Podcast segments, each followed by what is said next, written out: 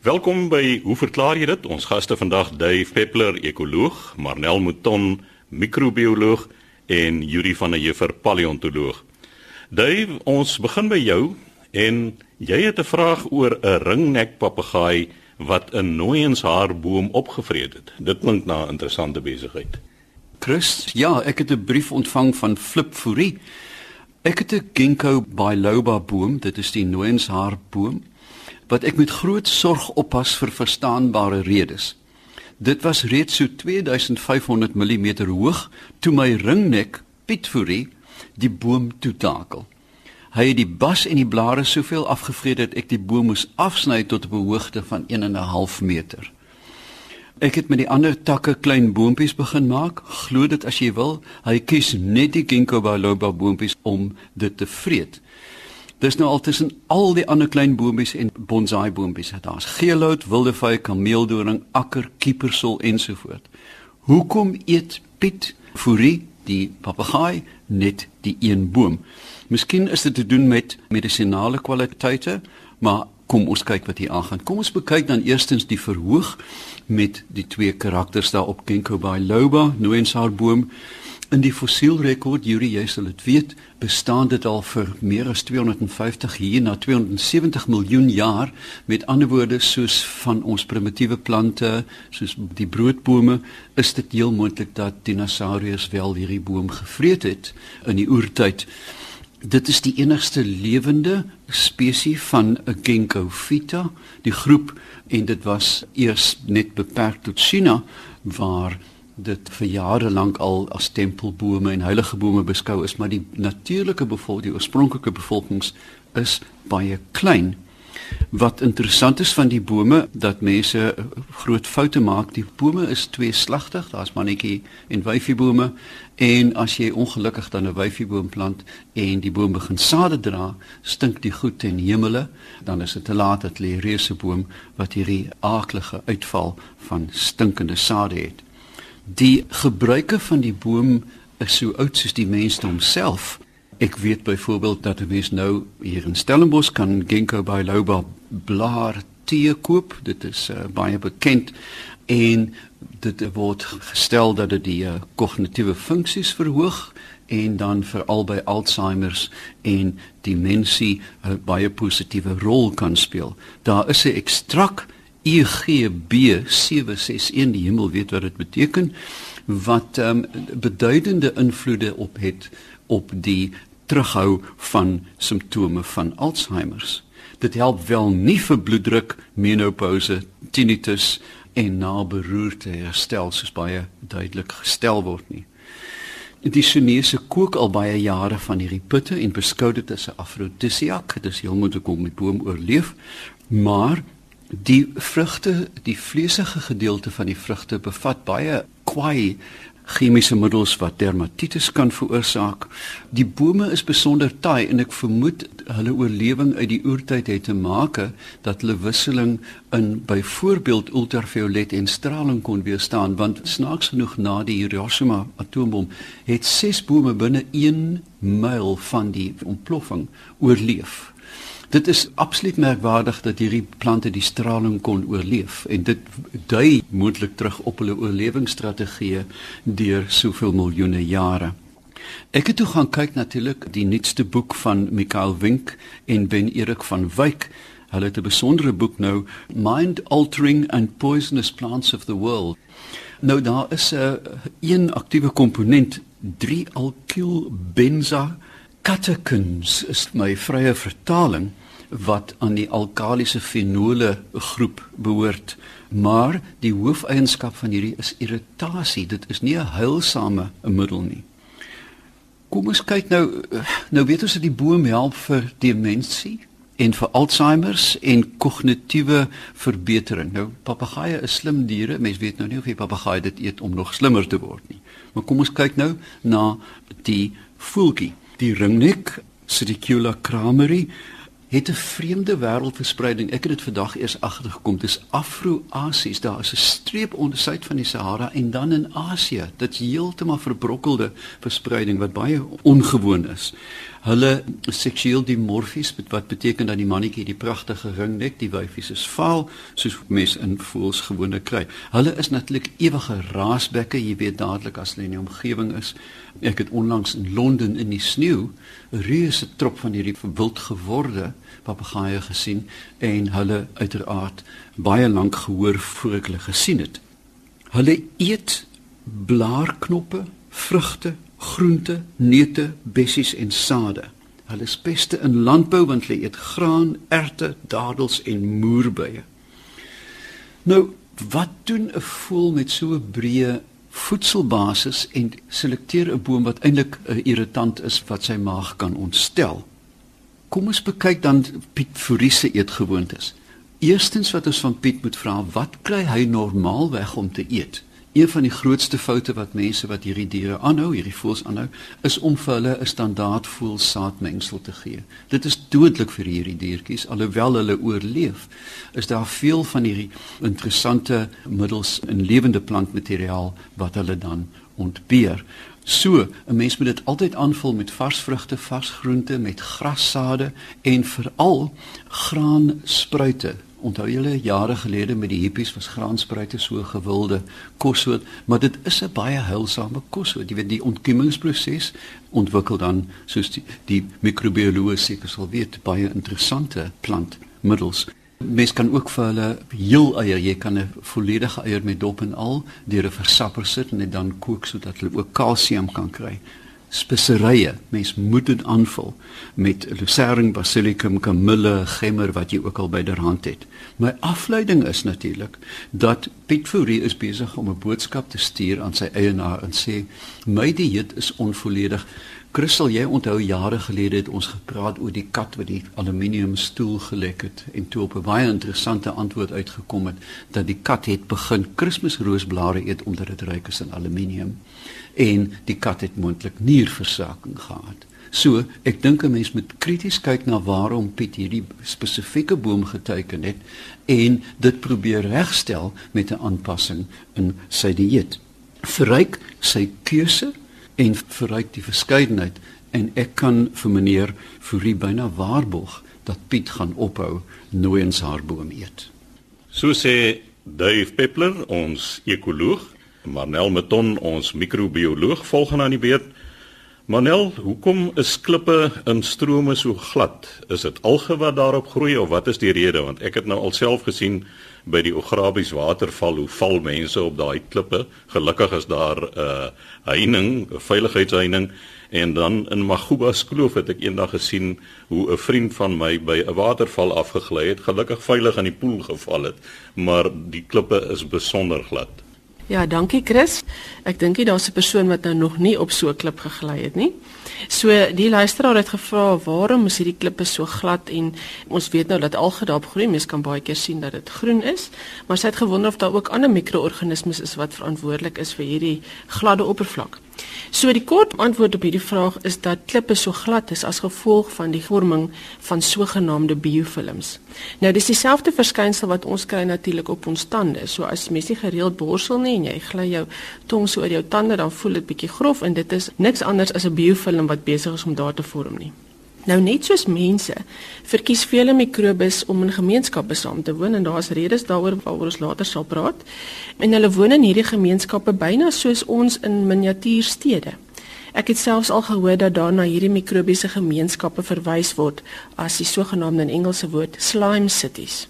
So 'n biofilm, as ons dit nou moet definieer op grond van natuurlike natuurwetenskaplike definisie, kan ons sê dis 'n gemeenskap van oppervlak geassosieerde mikrobiese selle en hulle word omsluit deur 'n ekstrasellulêre polisakaried matriks. Nou dis nie net alge wat ons soos wat sy nou hier gesê het en ander protiste wat geneig is om biofilms te vorm nie, maar ook bakterieë en selfs fungi soos die bekende gis Candida albicans. So biofilms kan gevind word op 'n groot verskeidenheid oppervlaktes. In die natuur natuurlik soos wat die luisteraar gesê het kry ons dit op klippe, in waterbronne soos riviere, damme ensovoorts. Natuurlik hoe vinniger die water vloei hoe dunner is hierdie biofilms Maar ons kry dit ook in waterpype in ons wasbakke as jy nie gereeld jou wasbakke behoorlik skoon maak nie. En dan selfs op lewende materiaal. Ons byvoorbeeld dink aan lewende plantmateriaal. As jy 'n waterplant sou vat, dan voel dit baie keer glibberig en dit is natuurlik as gevolg van 'n biofilm wat daarop vorm.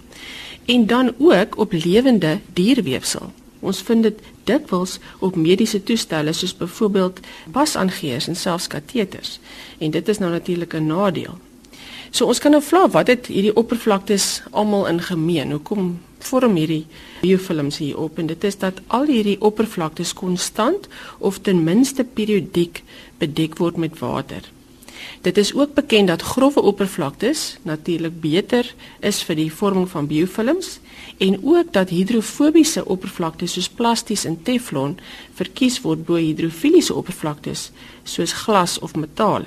Nou dis nogal interessant, deur 'n groot deel van die geskiedenis van microbiologie is mikrobes en allerlei mikroorganismes hoofsaaklik gekarakteriseer as planktoniese vrylewende gesuspendeerde selle en hulle groeiwyse word beskryf op natuurlik groeimedia. Ons groei hulle natuurlik op petribakkies op 'n groeimedium. En dis eintlik ironies vir alles om mense besef dat die ontdekker van enkelselle en basies die vader van microbiologie Antoni van Leeuwenhoek die eerste mikrobes beskryf het wat van plaak van tande afkom en dit was natuurlik 'n biofilm. Goed, hoe vorm biofilms? Wel, hulle vorm wanneer vrydrywende mikrobes in kontak kom met 'n geskikte oppervlak soos ek nou vroeër genoem het, en die aanhegting begin dan wanneer hierdie mikrobes 'n slijmerige stof begin afskei genaamd EPS. Nou EPS staan vir ekstrakselulêre polisakaried matriks. Hierdie EPS bestaan uit 'n hele netwerk van organiese molekules soos lang suikermolekules, proteïene en selfs nukleïensure en dit veroorsaak dan dat hierdie individuele selle aan mekaar begin vasklou. Nog 'n faktor wat 'n rol speel in hierdie vashegtingsproses is die struktuur van hierdie selletjies. As 'n mens byvoorbeeld kyk na bakteriese selle, is die selwand baie keer oortrek met klein uitsteekseltjies wat ons pili noem. Hulle staan ook bekend as fimbrei en baie van hierdie bakterieë het ook flagella wat hulle gebruik om mee te beweeg om as dit ware te swem en hulle gebruik dan ook hierdie pili en flagella om aan mekaar vas te heg en aan die res van hierdie biofilm wat nou besig is om te vorm. En so word laagie vir laagie dan nou neergelê van hierdie selle en hierdie ekstrakselulêre polisakaried matriks en uiteindelik begin daar dan hierdie driedimensionele struktuur te vorm.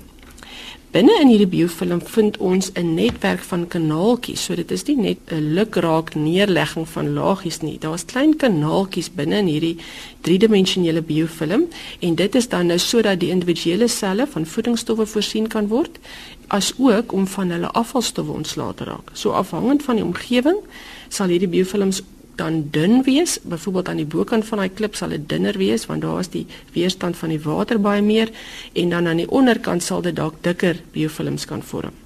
So waarom sou mikroorganismes nou hierdie groeiwyse ontwikkel het? Wel, as iemand jou nou in die, in die natuur vrylaat, sal jy moet beskutting hê en bedek word en van al die omgewingsfaktore wat stres kan wees vir jou liggaam. En so ook is mikroorganismes blootgestel aan al hierdie stresfaktore in die omgewing soos droogte, fluktuering van die pH, toksiese stowwe, antimikrobiese middels en so aan. Nou hierdie EPS laag het tesame met die ander mikrobiese selle het dis 'n beskermende funksie teen allerlei omgewingsstressors. Dit beskerm die individuele selle dan teen dehydrasie, ultravioletlig, antimikrobiese middels ensovoorts.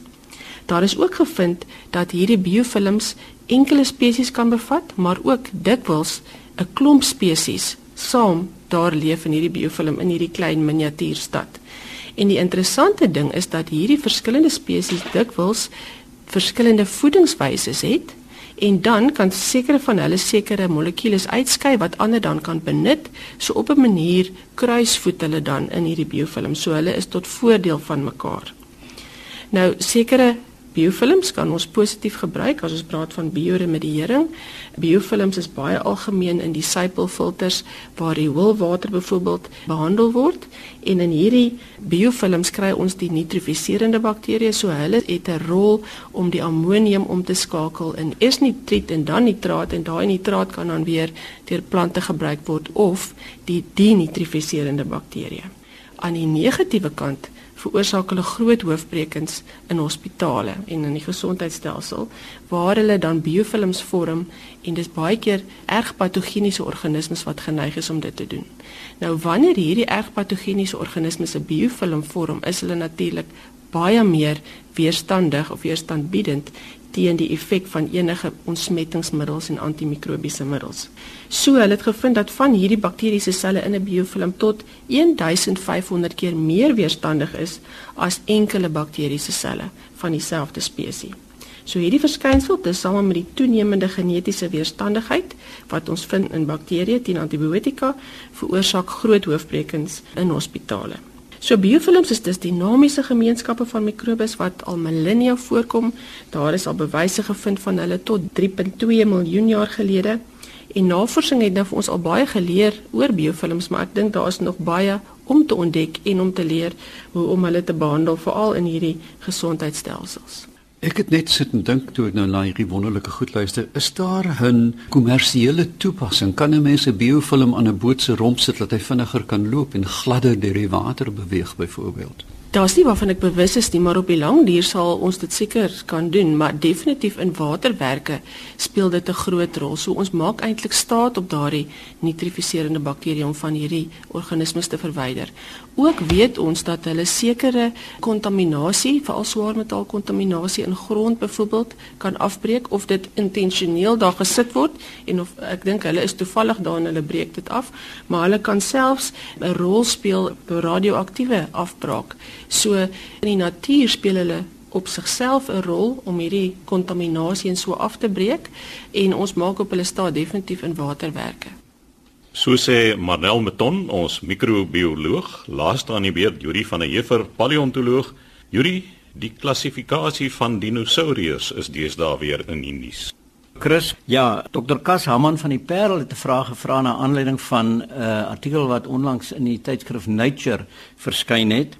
Onder andere is een van die auteurs uh, Dave Norman, 'n uh, Britse dinosourier kenner en hulle krap die klassifikasie van dinosouriers nou deurmekaar en nou word verwys na die tradisionele manier wat dinosouriers in die verlede geklassifiseer is want nog 'n Britse paleontoloog het hier in 1888 gekyk na die beskikbare dinosourier materiaal van daardie tyd wat trouens natuurlik baie minder gewees het en hy het opgemerk dat daar verskille is in die verskillende groepe ten opsigte van die bou van die bekken, die sogenaamde bekkengordel en ons weet nou almal elke kant van jou liggaam is die bestaan die helfte van die bekkengordel uit drie bene.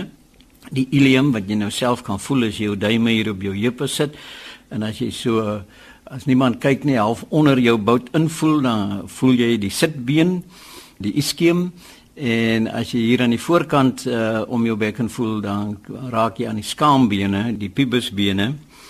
En hy het gesien dat vir al die iskeem 'n sekere bou het en op grond daarvan het hy toe die groep dinosauria verdeel in twee subgroepe, naamlik die Ornithischia en die Saurisschia. Nou dit beteken doodgewoon ornith te doen met voëls en ischia, een van die bekkenbene. Dit is dus dinosouriërs waarvan die bekkenstruktuur hom herinner het aan die bekkenstruktuur by voëls. En die Saurisschia het weer 'n soort bekken wat jou herinner of meer soortgelyk is aan die wat 'n mens by reptiele kry en dit was 'n baie gemaklike manier en 'n duidelike manier om dinosouriërs te verdeel. Nou ek wil net nog iets sê oor Celia. Hy was 'n baie interessante man want in 1889 het hy Suid-Afrika toe gekom om vir die Britse Museum fossiele te versamel en toe met 'n perdekar en 'n gids het hy dwars deur Suid-Afrika gereis veral in die Karoo En toe agterna afgesien van sy wetenskaplike publikasies het hy so populêre stukkie geskryf oor hoe hy nou Suid-Afrika ervaar het en wat opgeval het daar is absoluut triviale inligting. Maar in 1889 is dit nogal verbaasend hoeveel keer wanneer hy by boere aan huis was, hy vir ontbyt gebraaide varkvleis gekry het. Nou, ek gaan nou al seker 40 jaar lank gereeld Karoo toe. Ek het nog nooit 'n vark in die Karoo gesien nie en ek sien Duif skud sy kop. Juri, dit is die dae waarop hulle groente geëet het. Ja, nee, ek ken daai storie ook van die boere wat sê dat hulle in die Karoo as jy wil groente hê, dan sit jy net 'n hoender by. Nou, mens moet aanvaar dat in in Celiese tyd was daar minder fossiele beskikbaar en die verdere punt is dat ons weet vandag nou verseker dat uh, dinosourus nie regtig uitgesterf het nie. Hulle lewe voort as voëls. En die eienaardige van Celiese klassifikasie was dat die dinosourus met die bekkengordel soos reptiele het eintlik oorsprong gegee aan voëls, die sogenaamde Theropoda waarvan die bekende Tyrannosaurus rex nou 'n uh, voorbeeld is. So dit was altyd nog al 'n bietjie snaaks dat die dinosourus met bekkengordel soos voëls eintlik nie oorsprong gegee het aan voëls nie. Wat David Norman en sy mede-auteurs nou gedoen het hier, hulle het rekenaars ingespan. Daar is vandag natuurlik 'n geweldige hoeveelheid dinosourier fossiele beskikbaar en daar's 'n hele aantal programme om klassifikasie mee te doen en eh, rekenaar kan jy nou as jy die kenmerke geïdentifiseer het, kan jy dit doodgewoon in 'n rekenaar invoer en jy kan baie goeie inligting daar uitkry. So wat hulle gedoen het is hulle het van die vroegste forme van die dinosouriërs het hulle 'n groot deel van hierdie stuk navorsing gemaak. Nou van die vroegste dinosouriërs sluit dan ook die Ornithischia in. En wat hulle daarmee saamgedoen het, hulle het buitegroepe, hulle het naverwante forme se kenmerke het hulle ook in hierdie rekenaarprogram ingedruk. En wat in die verlede gebeur het omdat die Ornithischia, die fullbekken dinosouriërs so 'n unieke groep is, is daar deurgangs aanvaar dat dit 'n uh, groep apart is op sy eie en dat dit ook meer primitiewe kenmerke insluit en daar is soort van aanvaar dit is 'n groep wat apart op sy eie staan. Nou daar is rede daarvoor Dave Norman is een ou wat werklik gewerk het oor die Ornithischia. Hy het 'n wonderlike publikasie oor die gebit van die sogenaamde eendbek dinosourus gedoen en dit het 'n ongelooflike komplekse gebit uh klomp kiesstande wat aan mekaar gepak is en die spesiale manier wat die bo en die onderste kiesstande teen mekaar sluit soveel so dat daar bewegingsnate in die skedel is. Die het hy alles beskryf, so hy is wel bewus daarvan. So die vorige klassifikasies het eintlik net aanvaar dat hierdie full becken dinosauriërs 'n aparte groep en dit het eintlik verhoed dat daar 'n breër klassifikasie kan ontstaan. Want daar was paleontoloë wat juis al gesê het maar hier is kenmerke wat ons eintlik moet erken tussen die sogenaamde Theropoda en dan die Ornithischia maar dit is basies versluier omdat die oorwegende mening was dat die full becken dinosauriërs is 'n uh, amper mens kan sê 'n monolitiese groep Wat Norman en sy vriende toe gedoen het is hulle het 74 taxa onder die dinosouriërs bestudeer. Nou 'n taxon kan enigiets wees van 'n spesies tot 'n groot groep. So hulle het 74 van hierdie verskillende groepe bestudeer en hulle het altesaame in die artikel sê 457 kenmerke onder hierdie groep geïdentifiseer. Nou dis moontlik om dit met die hand te sit en doen. Jy kan nie dit op die tradisionele manier doen nie, maar as jy dit 'n rekenaarprogram het wat jy die goed kan invoer, dan spoeg hy vir jou baie interessante inligting uit. Verder het hulle dinosouriërs wêreldwyd ingesluit. Ons weet dinosouriërs was die dominante wêrelddiergroep van hulle tyd en dit is nou tans die grootste studie wat nog ooit oor die taksonomie van die dinosouriërs gedoen is. En 'n mens kan nou daar vra na aanleiding van A.G. Visser se gediggie oor die reën, was die boere toe tevrede? Nou, hulle is toe nie tevrede nie want Kas, jy het duidelik die artikel gelees en jy sal weet dat die titel van hierdie artikel in Nature sê reeds dit is 'n hipotese. En ons moet 'n groot onderskeid maak tussen hipotese en teorie.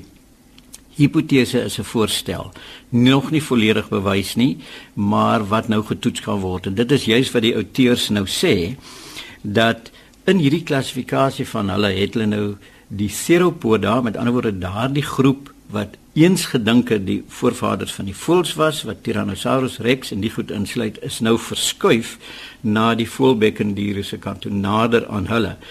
Party mense sê dis 'n aard skuddende interpretasie, dit is eintlik nie.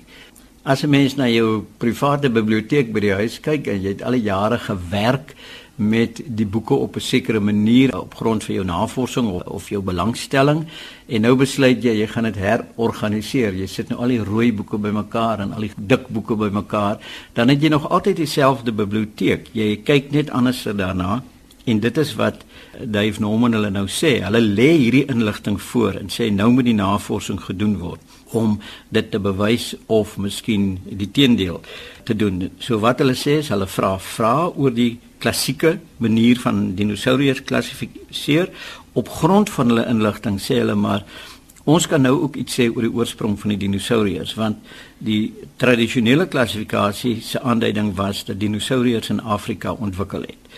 Trouwens in Gondwana, Suid-Amerika en Oos-Afrika Hulle suggereer nou dat die dinosourus eintlik in die noorde, die oerkontinent Laurasia ontwikkel het. Hulle vra nuwe vrae oor die, hoe beskou ons die anatomie van die skelet, hoe het dit deur evolusie ontwikkel en hoe het sekere eienskappe wat ons toeskryf aan die dinosourus ontwikkel? En dan saam daarmee ook die kwessie van adaptiewe radiasie. Hoe het dinosourus geleidelik versprei van hulle punt van oorsprong totdat hulle 'n uh, eh, wêreldwye bevolking gehad het.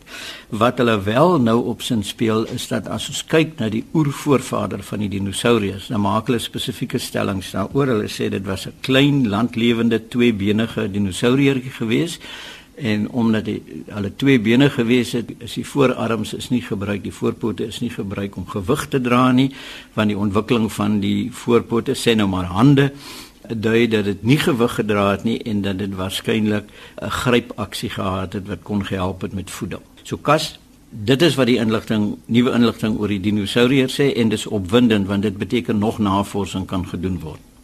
So sê Yuri van der Heever, paleontoloog, die tyd het ons ongelukkig ingehaal. Skryf aan, hoe verklaar jy dit?